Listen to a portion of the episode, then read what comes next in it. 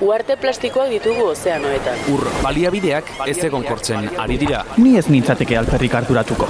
Fenomenoa islatuak dira. Bizioiturak eta herri egiturak aipatu izan dizkidate, zerikusirik balute bezala. Erleak kontserbatzeaz ere hitz egin didate. Baita ariztiak zaintziaz edo ezeguneak babestiaz ere. Eta ni, Nork babesten hauni. Mikroplastikoak elikadura katean sartu zaizkigu. Ez ez da perfektua. Bioanistasuna galtzeak atzera bueltarik gabeko ondorioak izan ditzake. Lasaitu zaitez, ez da inbesterako izango.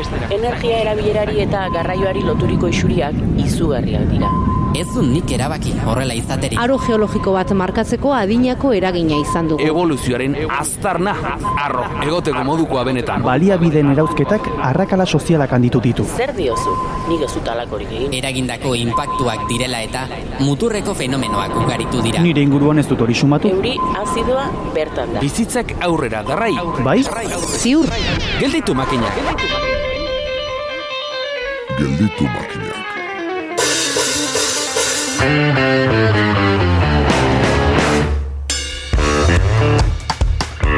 Airera botatzean aurpegia ala gurutzea. Eskaintzen bada zergatik esaten da txamponek bi aurpegi dituztela. Trikimailuren bat ezkutatzen alda? Fisikoa ez den hori ere izan liteke txampon eta izan ditzake bi aurpegi.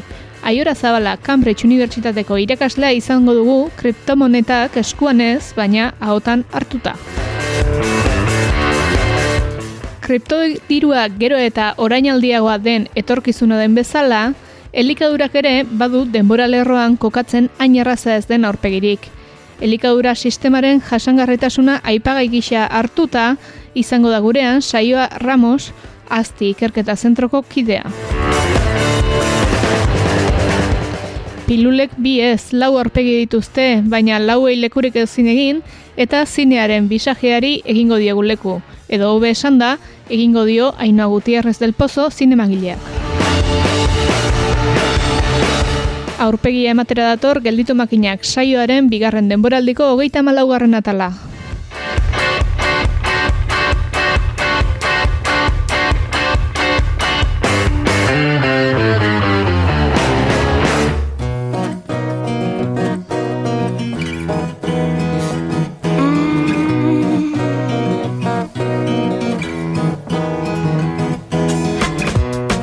Badirudi, virtuala denak, fisikoa ez den horrek, ez duela inpaktu ekologiko kaltegarririk.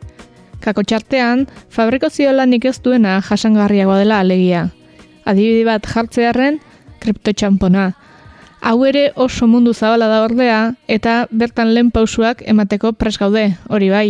Aiora Zabala, Cambridge Unibertsitateko irakaslea aldamenean. Hartuta, ongi etorri aiora. Kaixo, mi esker gomidapenagatik. Zuri baietzagatik.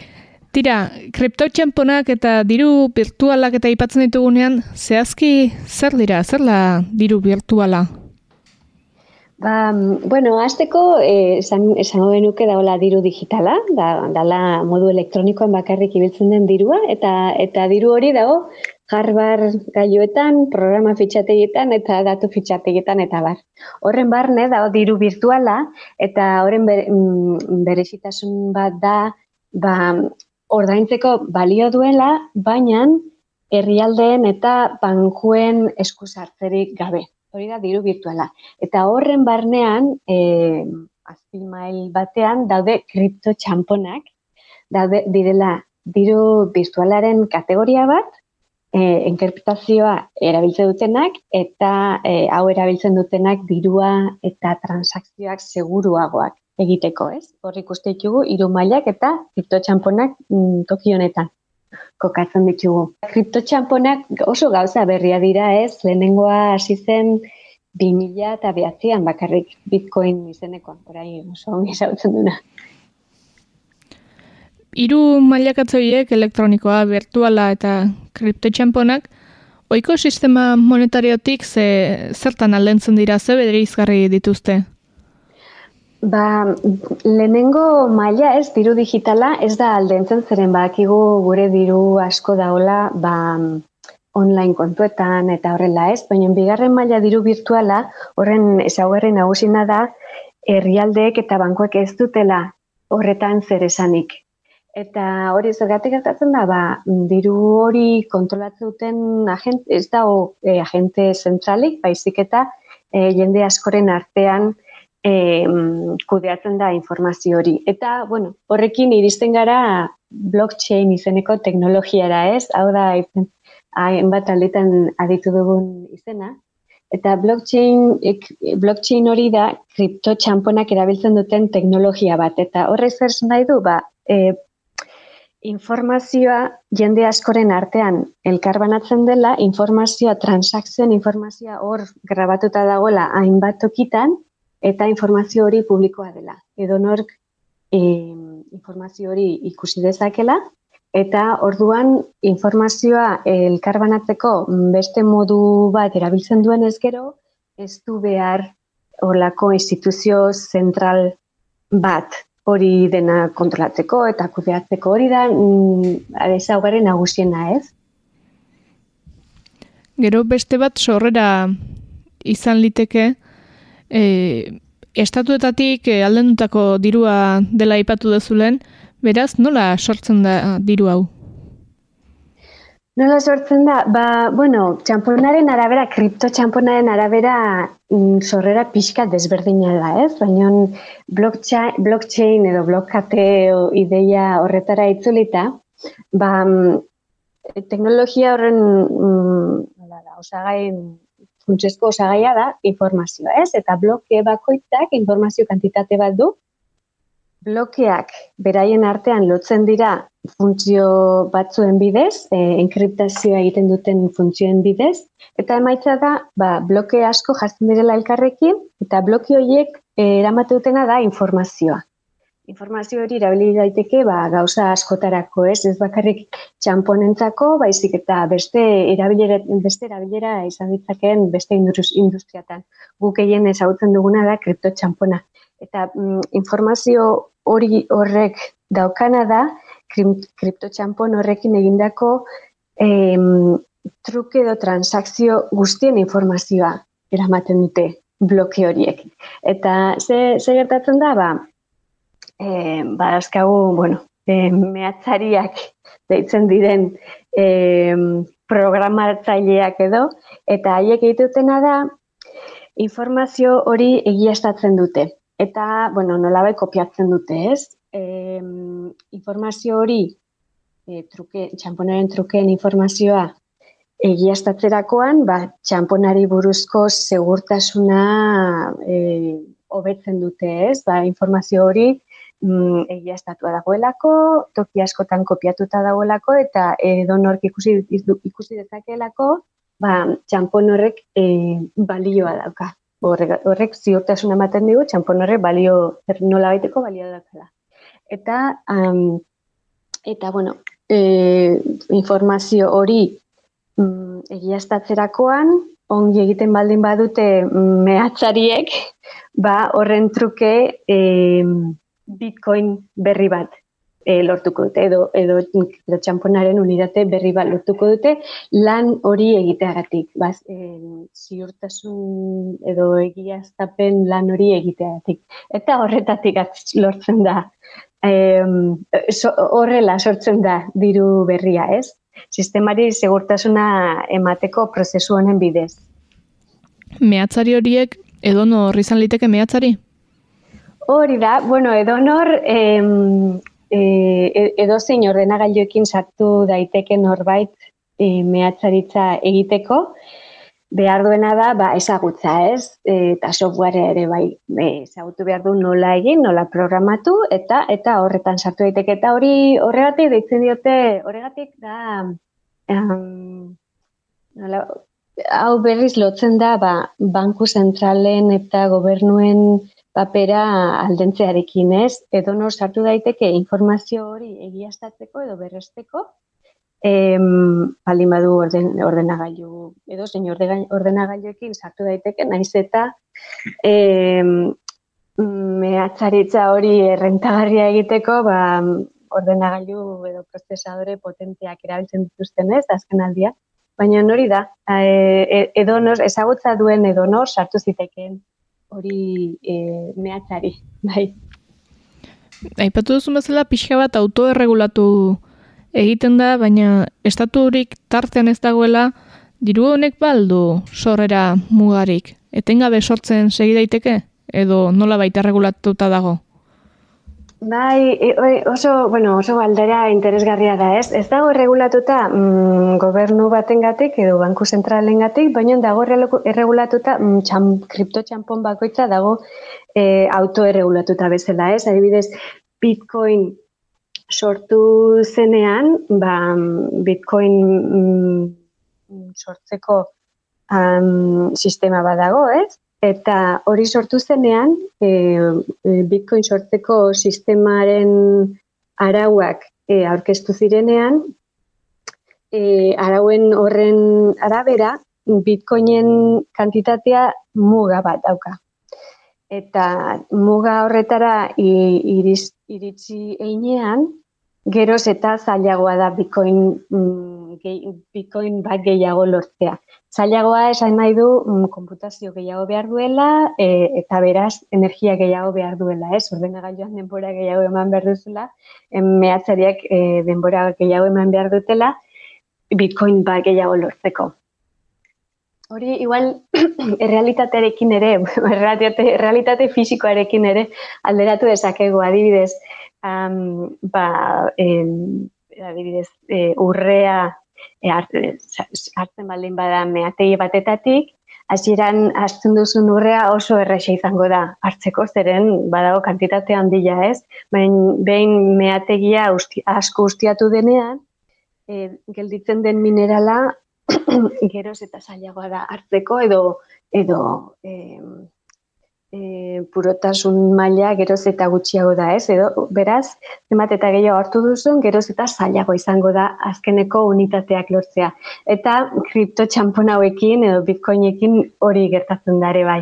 Geroz eta, ba, orai dela, bueno, 2000 eta sortzian, e, 2000 eta behatzean hasi zirenean bitcoin ateatzen, oso erresa zen bitcoin bakar bat lortzea. Baina amar bat gehiago, gehiago amarkada bat, baina gehiago pasada ondoren, e, asko ere zailago izaten da bitcoin bakarra lortzea alde batetik bat e, blockchain horiek informazio kate horrek o, asko o, e, informazio kate hori asko luzatu egin delako eta zailagoa delako hori mm, egiaztatzea eta errepikatzea eta grabatzea, ez? Bestalde, diru mota zertarako erabiltzen da? Bai, galdera ona, nik uste badagola jendea hau asko erabiltzen duena, baina e, e, munduko jende gehiena ez du, ez du hori ere ikusten, ez? Baina bai, e, online erosketak egiteko ba, e, enpresa asko konartzen dute, eta baitare e, e, irian dietan gehien bat ikusten dira dendak, denda batzuk bitcoin onartzen dituztela, eta baitare bitcoin kutsa zain bat ikusi nuen orai dela gutxi e, ere bai.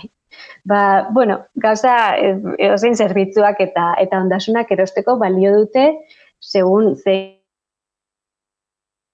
dendetan erosten duzunez, badire, ba, bada mundu osan zehar, badira oiek onartze ikusten e, dendak.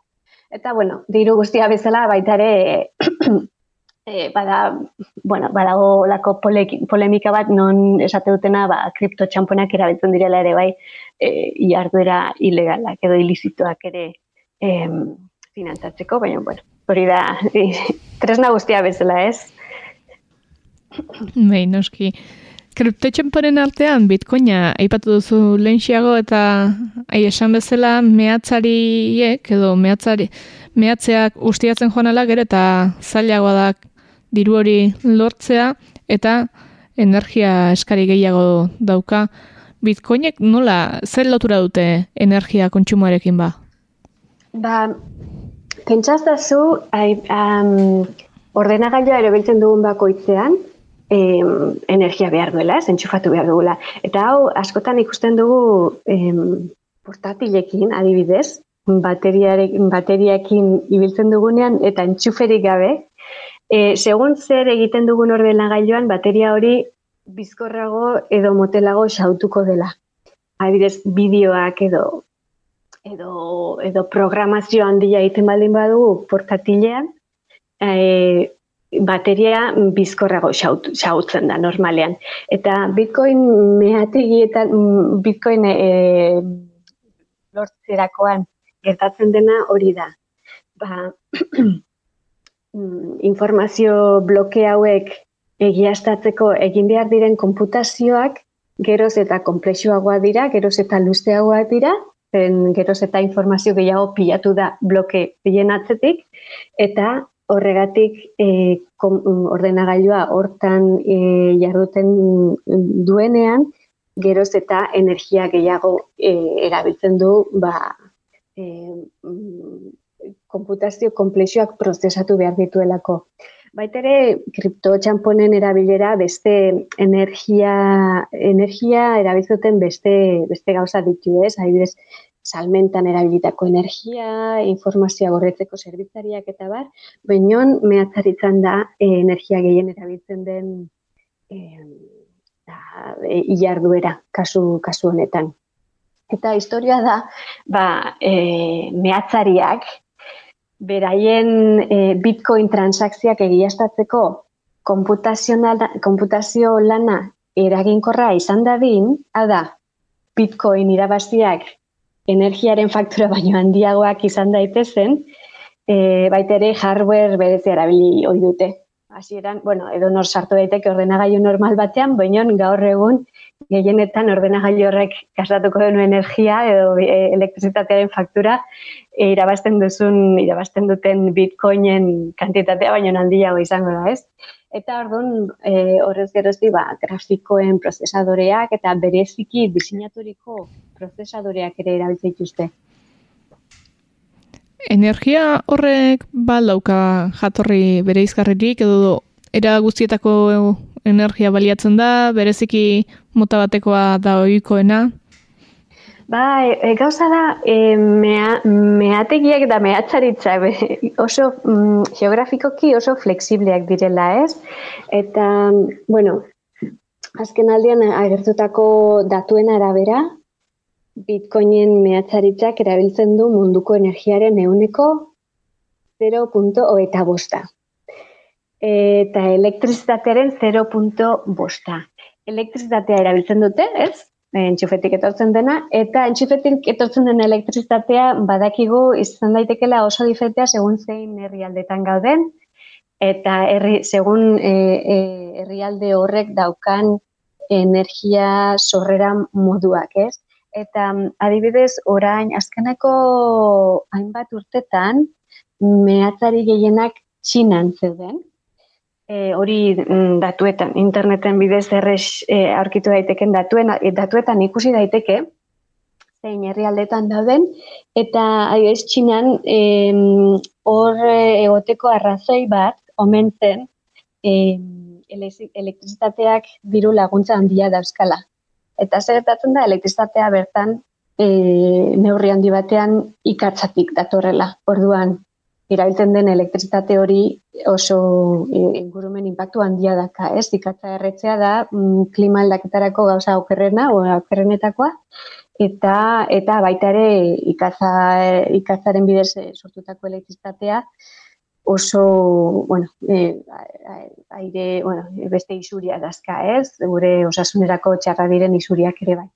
Eta zer zen, ba, Txina orai dela gutxi kripto txamponen mehatzaritza debekatu egin zuela, eta orduan aktivitate jarduera hori mugitu egin da beste toki batzutara. Ba, ikusten da mapetan, ikusten da mugitu dela estatu batzuetara, eta baita batzu Kazakistanera, eta bar. Gauza da, e, jarduera honek horren bestelako energia erabiltzen duela, energia da beraien, nola da, input edo sarrera nagusiena. Orduan, mm, jarduera mugitzen da energia elektri, elektrizitatea merkea den tokietara. Eta mm, baita ere, mugitu daiteke mm, elektrizitatea berriztegarrietatik etortzen den tokietara, ez? Adibidez, Islandian, e, bai Islandian, non e, energia geotermikoa oso indartsua den, eta ja azpiegitura dago, eta, eta behin azpiegitura dagoenean, ba, energia berriztegarriak oso merkeak izan daitezke, ba, horrelako tokietara ere mugitu daitezke. E, mehatzariak. Eta hori hori da gauza. E, energia erabilera asko dauka eta energia erabilera horren ingurumen inpaktua energia horren sorrera zein denen zein den arabera dago. Eta hori, bueno, herrialde bakoitzean oso diferentea da, ez? Cambridge Unibertsitateak abiatu du. Ikerketa bat edo lan bat egina dauka. Behintzat Historical Bitcoin Network Power demat, barkatuko didazue ingles maila, baina hori zer da, zertan datza lan honek? Bai, ba, badira, hau, e, Cambridgeko e, talde honen ikerlana igual da mm, osatuena edo luzaro, e, luzaro egon dena ez. Badira, e, hogei bat edo ikerlan saiatu direnak ikusten bitcoinen mehatzaritzak e, erabiltzen duen energia, e, energiaren kantitatea ez. Mm, zaila da energia hori, hori estimatzea, suposizio asko egin behar dituztelako ez, adibidez, ez dakitelako e, bitcoin mehatzariak zein olako ordenagailuak edo prozesadoreak erabiltzen duten, eta prozesadorearen arabera energia erankinkortasuna handiago de txikiago izango da. Orduan, suposizio asko daude, baina e, horrelako lanetan e, hori hori ikusten saiatzen dira, ze, ze, ze nolako era, energia erabilera daukan, eta Cambridgeen egin dutena izan da 2000 eta, bueno, orai dela amar bat urte gerostik, kalkulatute zenbat energia erabiltzen duen em, bitcoin mirataritzak munduan zehar. Eta oso, oso datu politiak erakuste dituzte, oso errez da mm, datu horiek beraien web horri aldean ikustea, eta beraiek erakusten dutena da nola e, energia erabilera asko igo den, asko igo zen 2000 eta emezortzigaren urtetik, Eta, baina, asko zere gehiago igo da, 2000 eta hogeita bat garren urtetik aurrera.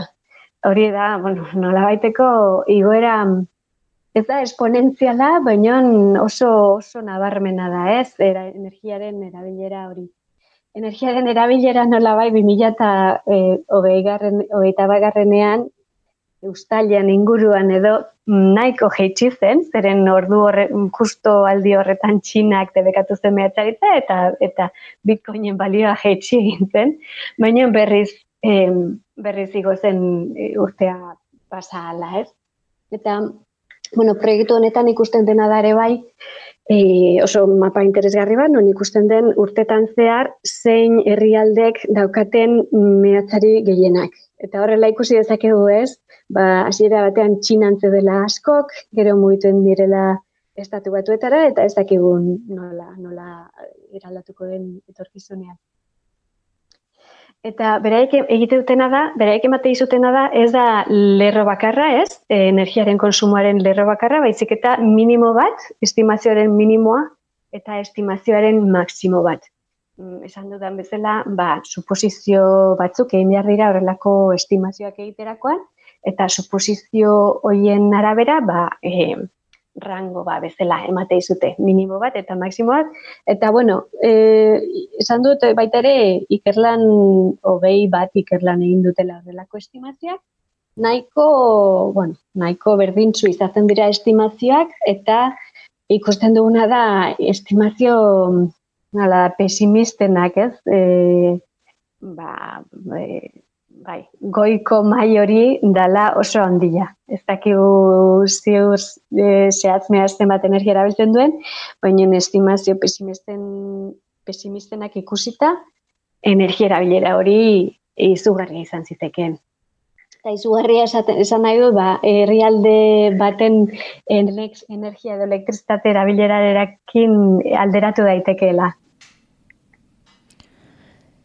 Bai, garbi dago energia erabilera handia duela bitcoinak eta inpaktua duela, baina ohiko sistema monetarioak ere badu eraginik. Kriptotxamponarena baino askoz txikiagoa da lehenengo hau? Bai, ba, horri buruzko datuak ez ditut eskura, baina egon, egon, izan egon da estimazio bat, non ikusten zuten, e, e, oiko sistema e, monetarioaren energia erabilera eta bitcoinen, eta kripto txamporen energia erabilera.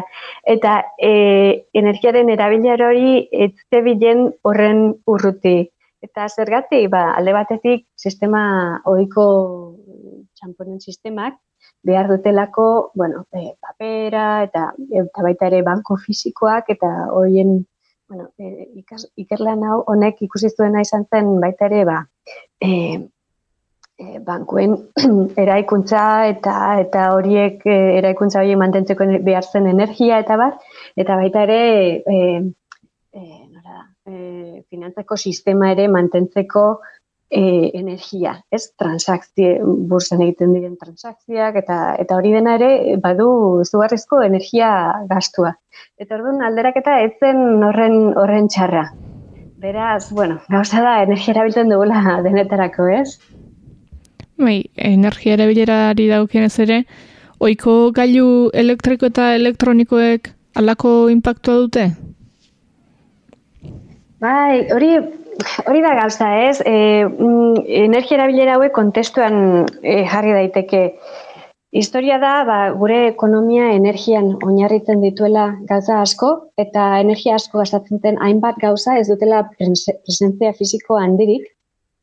Eta, bueno, kriptotxaponekin getatzen dena da baita ere, ba, horien beharra edo, edo zentua ez da hola oso argi jende gehienentzako ez, ez ditugulako hoiek erabiltzen, ez ditugu e, esperimentatu hoien onurak, eta beraz, e, noraiteko despilfarro edo iruditzen zaigu energia horretan erabiltzea. Baina, gu ere bai, e, egunero egiten ditugun gauzekin ere energia e, gastatzen dugu, ez? Bueno, alde batetatik, alde batetik, bueno, zuk esan duzun bezala, ba, em, gailu elektronikoak e, ekoizteko eta erabiltzeko behar den energia, ba, e, beste ikerlan, ikerlari batek esan aipatu zuen ba, bitcoin mehatzaritzen erabiltzen den energia e, munduan bideojokoetan ibiltzen direnen direnek ibiltzen energia baino gutxiago dela, ez?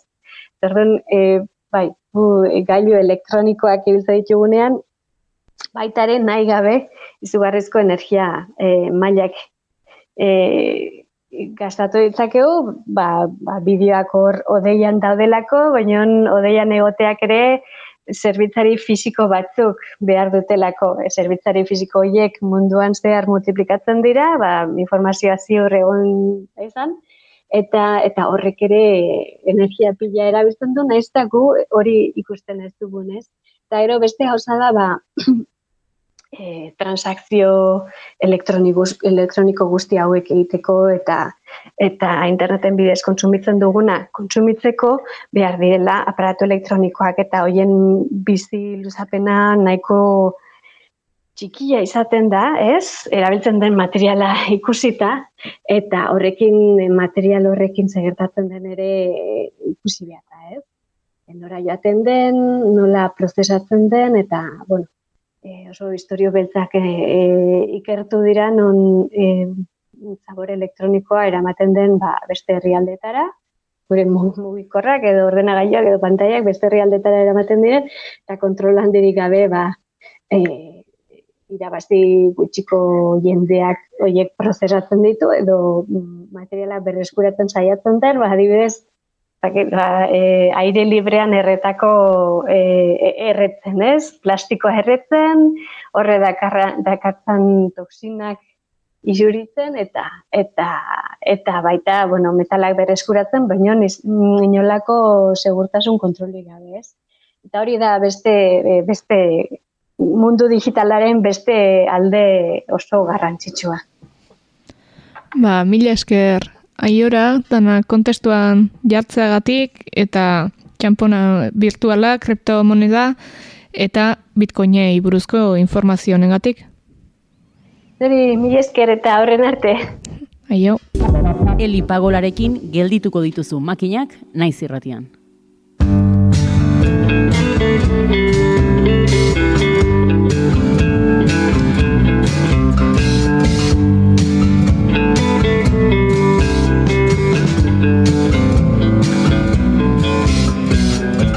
Elikagaietaz behin baino gehiagotan jardun gara eta oraindik ere geratzen zaigu zertaz hitz egina. Aztirekin ere antzeko agertatzen zaigunez, saioa Ramos konbidatu dugu elikagaien industriaren jasangarritasunaz eta ingurumen inpaktuez hitz egitera. Ongi etorri saioa. Kaixo bai, eskerrik asko.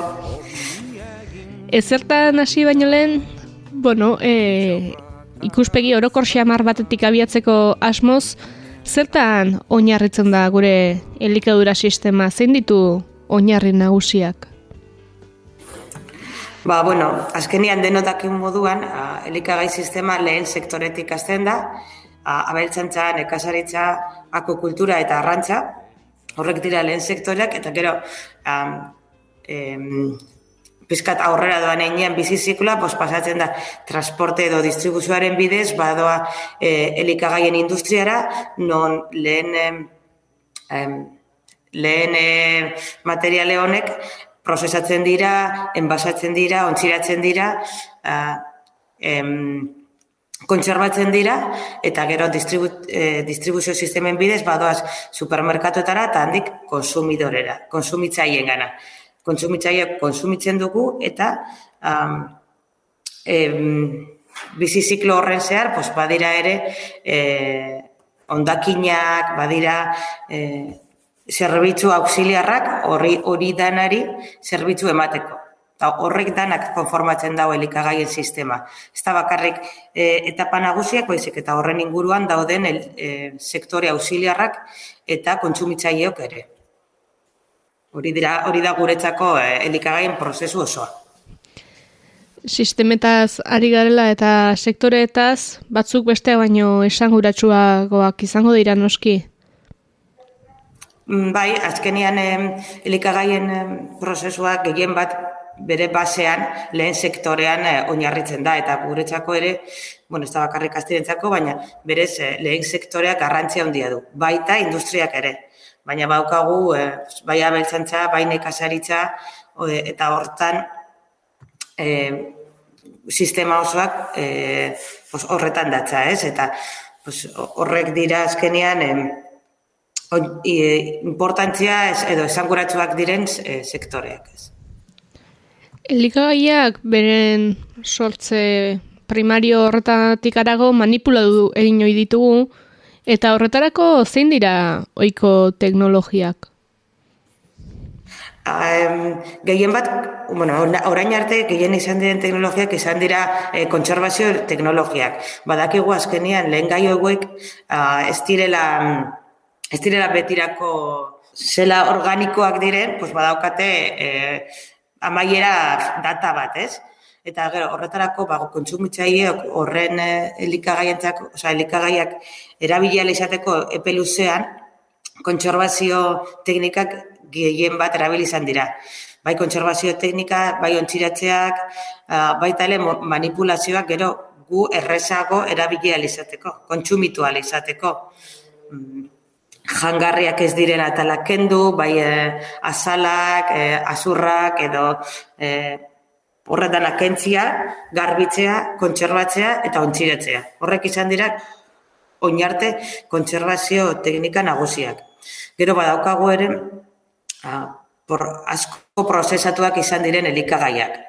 Horretan ja badauzkagu lehen gaien e, e, ez dakizela esan e, pues, lehen gai batzuk besteekin e, batzen dira, e, nahazten dira, horretan nahi dira kon, e, asko prozesatuak dauden elikagaiak. Ondakinik egin ere izango dugu nola baiteko erronka hain zuzen ere, bueno, elikagai sistema batek ai, askotariko ondakinak sortzen dituelako ez dala? Bai, elik, eh, elikagaien ondakinak eh, kriston garrantzia dauka e, inguru giroaren impactuan eta e, bizizikloaren prozesu osoan zehar. Egun, ede elika produzitzen diren elikagaien euneko e, ogeta bost, ogeta marra, botatzen da. Eta askotan, el, ondakin hauek jangarriak dira oraindik, ez? Zeren, badaude, pues, em, jan ezin diren ondakinak, azurrak, azalak, odola, ez dakit, olako, horrelako lehen gaiak horrek ezin dira jan, eta horrek ba, bestela, bestera batera em, valorizatu ahal izango dira, baina gero daude beste batzuk jan aldirenak, ze badira, pues, fetxak kanpo dauden elikagaiak edo prozesu osoan zehar, uh, inefizientzia batzuen gatik galdu izan diren elikagaiak. Alde batetik bi motako elikagai, oza, elikagai ondakin horrek dauzkagu. E, gu astitik janezinak diren elikagaien balora, e, ondak, elikagai ondakinen balorazioan lan, asko lan egiten dugu. Zeren, atal horrek badaukate molekula batzuk oso interesgarriak izan aldirenak beste sektore batzuentzako. Azkenean hemen oinarria izaten da, produzitzen dugun euneko euna eh, erabili alizatea. Ondakinik ez eukitzea, zezken finean, euk izan dugu, eh, erabili izan dugu materiale asko hori produzitzeko, eta honena izango litateke hori dana eh, erabili alizatea. Ondakinen balorazioan lan asko egiten duzuela aipatu duzu, zer nolako lanak dira horiek? Ba, e, mota askotakoak izan hori ditugu, adibidez arrantza sektoreekin, zelan hemen Euskal Herria, pues, e, e, sektore bastante garrantzitsua den, arrantza sektorekin askolan izan dugu, ba, hori, arrain ezurrak edo arrainaren e, esteak eta urdaia eta hori dana, hori dana, balo, e, hori danari bigarren bizitza bat emateko. Ze hori ezin da ezin da jan direkt, o sea, direktante ezin diogu eman kontsumitzaileari, baina bai aizan dudan moduan badaukatela horrelako molekula nahiko interesgarri batzuk. Antioksidanteak, omega irua, zakiz, guk egiten duguna da, hori dana analizatu, begiratu, ea ze molekula garrantzitsu, esango dezagun horrela, ze molekula garrantzitsu daukan, edo daukan e, dauzkan, horrek ekstraitu prozesu batzuen bidez, izan diteke hidrolizia, era, oza, askotako prozesuen bidez, molekula garrantzitsu horiek ekstraitzen dugu eta behiratzen dugu era best, ze beste sektorei e, pasatu aldiogun molekula hori izan dezagun, pues, izan daiteke farmazia sektoreare, izan, izan daiteke beste e, beste elikagai sektore batzuei, igual interesgarria izan daiteke ba, kulturistentzako, ez dakit, e, pirulak egiteko, adibidez, edo farmaziarako. Horre molekulak pasatzen dugu beste sektorei. Eta gero, geratzen den atal ez jangarria, esan dezagun, zeren molekulak estraitu ditugu, baina or, eraindik badaukagu hor ondakin pixka bat. Pues horrekin e, beste, oza, nahi duguna da ekonomia zirkularra bultzatu. Horregatik, pues, geratzen den atalarekin ere begiratzen dugu zer egin. Izan daiteke animalientzako janaria. Izan daiteke, e, ez dakit, e, bertan onjoak hasi eta onjoekin beste zehor zer egitea. Edo hori, intsektuei ematea intsektuekin beste janari batzuk egiteko. E, edo azkenengo azkenengo aukera izango liratekeia horrekin biogasa produzitzea azkenean energia ateralizateko. Guk ez duguna nahi da ondakin horiek galtzea. Esan dudan moduan. e, aipatu duzun beste kontua izan da impactuarena eta zein, zein dira ba inguru giroan gehien erasaten duten esparruak eta praktikak? Mm, ba, azkenian guk uh, pertsonek egiten dut ditugun gauza guztiek baukate inpaktu bat inguru giroan. Osea, jakin behar dugu, ez da, ez da sektore bat txarra da, osea, impactatzen duena, eta gero beste sektore bat ez, ez duna eserrez impactatzen. Osea, ez, egiten dugun danak impactatzen du bai janariak, bai arropak, bai ordenagailua danak. Orduan gero, e, elikagaien industrian barnean, pues badaude praktika batzuk, beste batzuk baino pizkat inguru giroan inpaktu gehiago daukana. Gero gauzak ondo edo txartu egin daitezke, ez? Zen, jakin badakigu azkenean abeltzentzak, pues, e, ez da abeltzentza mota danak. Azken finean, e, behiek, pues, badaukate metabolismo mota bat, azkenean em, metanoa eta horrelako gazak emititzen dituenak. Orduan, metabolismo horrengatik ja bakarrik abeltzantzak eukiritzake impactu gehiago inguru giroan. Aldaketa klimatikoan eta horrelako eh, inguru giro impactu motetan. Baina ez da horrek, horrek ez du esan nahi nekazaritzak ez dunik impactatzen. Zeren nekazaritzak ere, pues badauka ongarri batzuk, ongarri kimikoak direnak, eta horrek ere badauka eh, gases de efecto invernadero desau, es- esaten ditugun honek, eh, emisio batzuk. Zen, azken finean ongarriek, gero badago, eh, pestizidak eta horrelako sustantzia kimikoak ere badauzka, orduan bebai daukagu toxizitatea beste alde batetik. Ez? Abeltzantzan eta nekazaritzan horrelako inpatuak ik- ikusi ditzazkegu. Gero, eh, elikagaien industrian beran hor, eh, teknologian eta ekipamentuan badaukagu ere energia kontsumo handia. Horret, eh, elikagai horretanak kontserbatzeko esagen desan, oza, esan dugu moduan, kontserbatzeko behar da en- energia, behar da ura. O, elikagaien industria ur kontsumitzaile handia da. Bai nekazaritzan, bai abeltzantzan, bai industrian. Horrelako inpatuak ikusi ditzakegu. Horrek danak azken finean badauka inpaktu bat inguru giroan, aldaketa klimatikoan, e, inguru giroko toksizitatean, e, lehen gaien em, kontsumoan, zer ener, energia egiteko, pues behar dugu, e, ez dakit, e, ai, ikatza behar ditugu horrelako lehen gaiak, orduan horrek ere badauka inpaktua inguru giroan. Danak dauka inpaktua. Da- Badaude gauza batzuk, beste batzuk baino gehiago daukatenak, ez? Baina ez dugu esan behar abeltzantzak inpaktu gehiago duenek nekazaritzak baino. Bertako abeltzantza baldin bada, adibidez. Bertan eh, produzitutakoa, eh, ontsi gutxirekin eh, eta praktika onak egiten egita, egindako abeltzantza baldin bada, igual eh, Txinatik ekartzen dugun nekazal eh, produktu batekin alderatzen baldin badugu, abeltzantza produktu horrek impacto gutxiago ekiko du. Txinatik datorren nekazal produktu batekin konparatuta. Zen, azken finean, transportean ere, em, emisio asko dauzkagu, eta, eta horrelako gauza begiratu behar dira. Horregatik, hasiera hasieratik esan dut, pues, guk bizi ziklo osoa kontutan hartzen dugula. Lehen gaiak eh, ekoizten diren momentutik guk kontsumitzen dugun arte. Hor bitartean gauza asko pasa da- daitezke, eta ez da sektore bat beste batek baino impacto gutxiago edo gehiago duenik. Impactu ez jakitun izan da, gero neurriak hartzea letorke, zer egin dezake lehen sektoreak impactu horiek murrizteko? Edo jasa, erabat jasangarria edo jasangarriagoa izateko bideari ekiteko? Ba, azkenean produktu mota bakoitzak em, estrategia diferente pilo bat. Eh, em, eh, egin dezake. Adibidez, abeltzantzan, ba, animalien manejuan eta animalien zela erabiltzen diren horrek badauka zerikusi handia. Zuk e, gutxitu dezakezu ur kontsumoa pentsuaren arabera. Abeltzantzan, gero pentsu motak ere asko e, inguru giroan asko impactatzen du.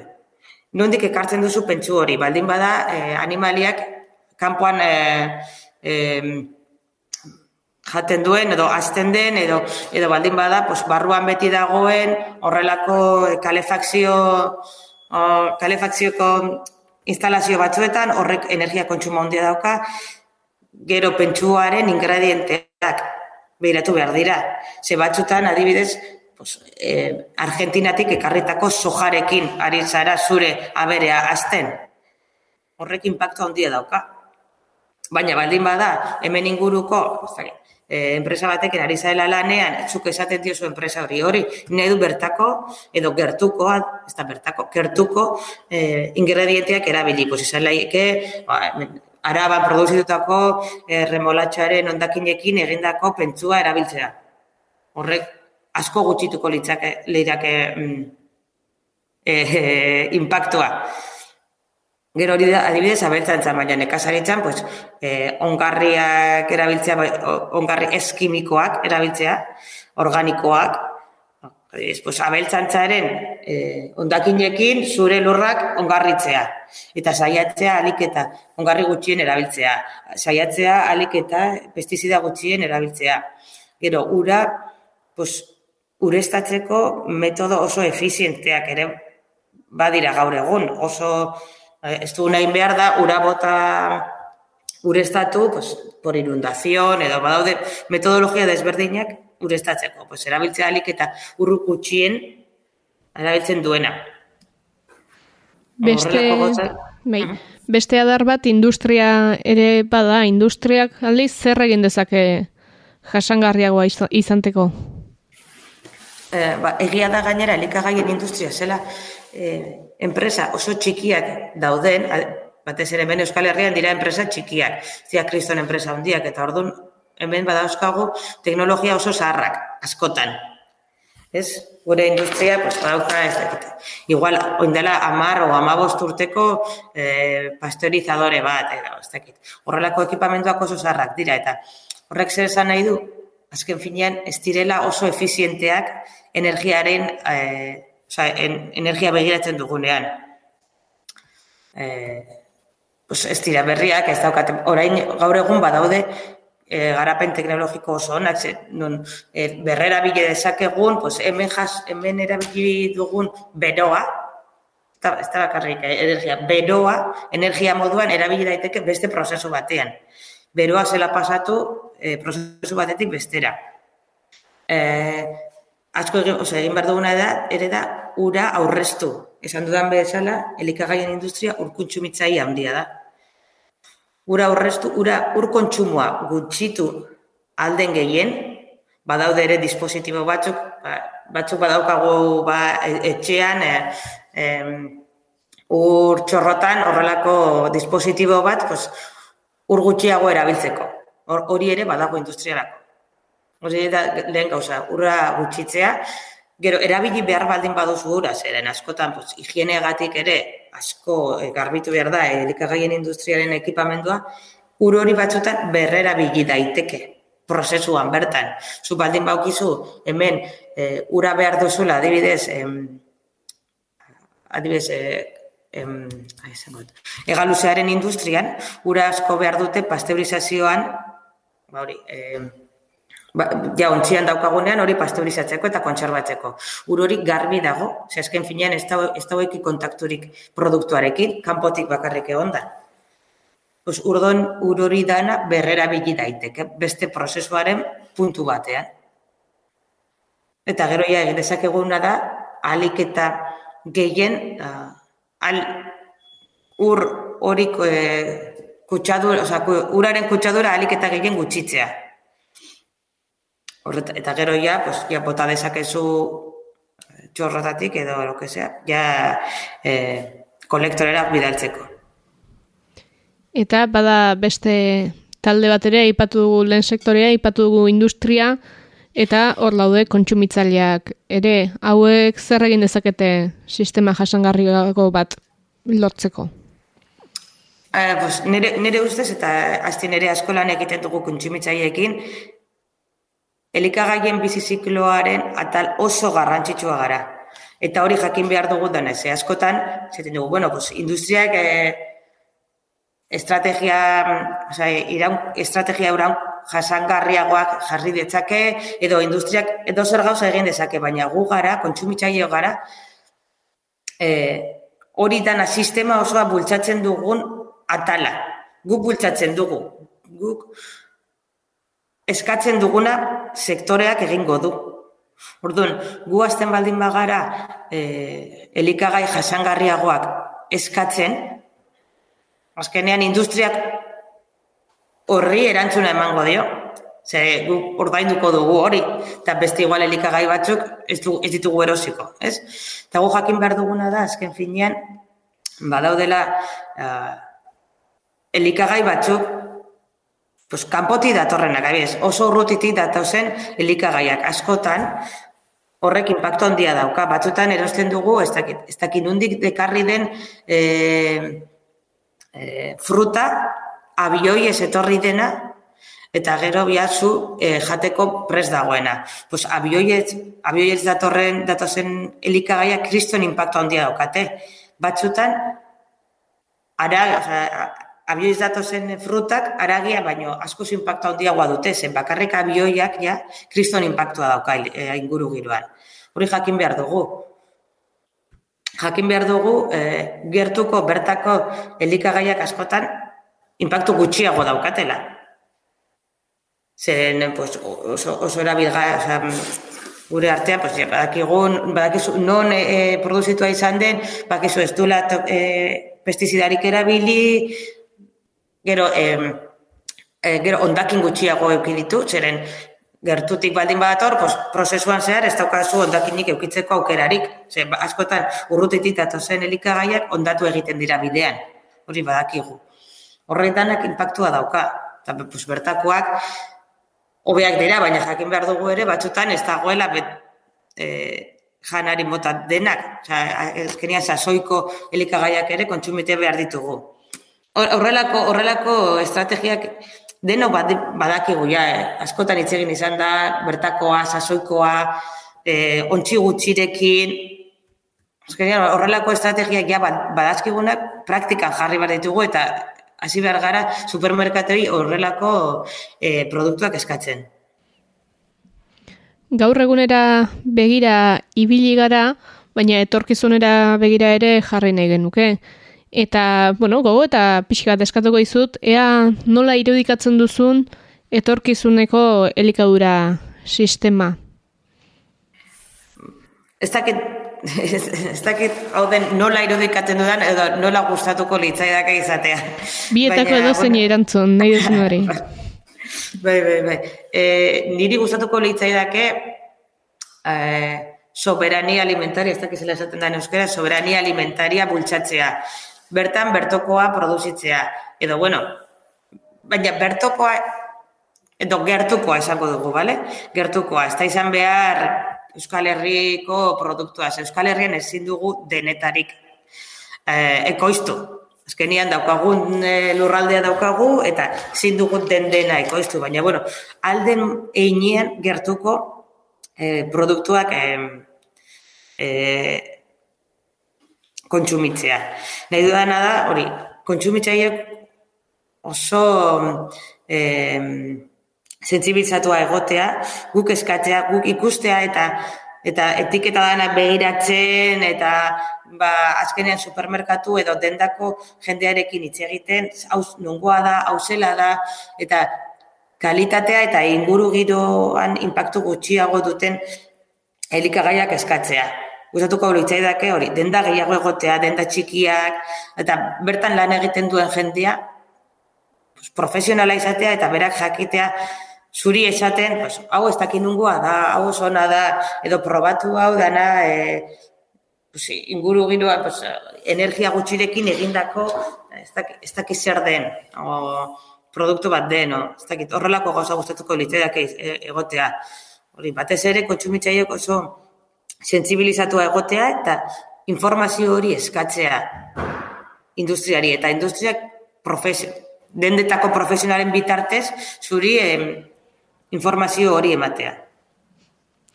Ba, saioa Ramos Asti ikerketa zentroko kidea, mila esker gurean izateagatik. Eskerrik asko zuei. Gelditu makinak, naiz irratian, elipagolarekin. Hoi bezala, gogotxo emango diogu zinepirularako pasoa aina gutierrez zinemagileari. Ohartzerako hause du denboraldi honetako azken ordea. Eskatu ala fin-fin proposamen ausart eta interesgarriak ekarri izana eskartzea besterik ez dugu. Plazer eta luxu utxa izan da zugurean izatea. Oiturari segiz, ongi etorri ainoa. Kaixo heli, eta eskerrik asko. Ja ba, bidea libre duzu.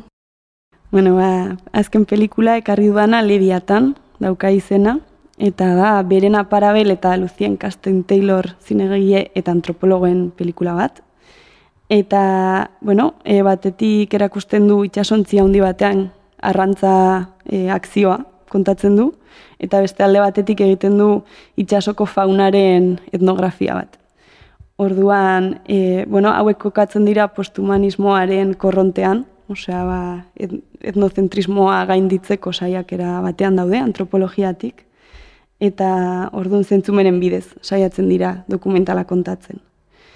E, orduan, e, sensori etnografi labeko partaide dira hauek, eta eta horrari dira esperimentatzen ba nola, nola egin irudietan gizakia gainditzeko modu bat edo. Orduan, e, pelikula hontan egiten dutena da GoPro pio bat jarri e, itxasontzian, batzuk ba, mastigian, beste batzuk e, zeharkatzen ari dira batetik bestera, beste batzuk e, sareetan edo e, langileen e, arropetan. Eta orduan ba olatuen mugimenduak eta e, kamera hauekin gertatzen diren gauzak ba nastu egiten dira eta irudi ezberdinak sortzen dira. Eta ba erritmo oso azkarretan gertatzen da hau.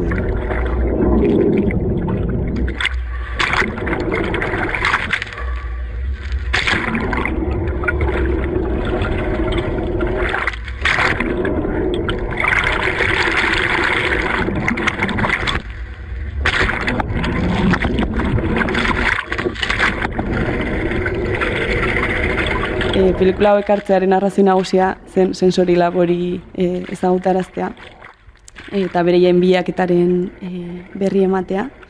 Zeren dira zientzialari eta artista batzuk, ba, bueno, pues, ari direla e, experimentazio interesgarriak egiten eta etnocentrismoaren inguruan modu plastikoan pentsatzen. Oso, oso interesantea dela. Eta iruditze zait, krisiko soziala ulertu nahi badegu ere, beharrezkoa dela e, beste espezie batzuen ikuspuntuan jartzea, edo ulertzea beste espezie batzuk beharra edo nondikan begiratzen duten. Eta, e, eta hori saiatzen dela pelikula egiten, eta son dagoela. Eta topiken dago ikusgai, topik web horrian, e, ikusi nahi duen ari. Behiratzei garren filme honekin itxiko dugu bada zure sekzioa, mila esker gurean izateagatik. Ba, ezerratik, eta eskerrik asko zuei.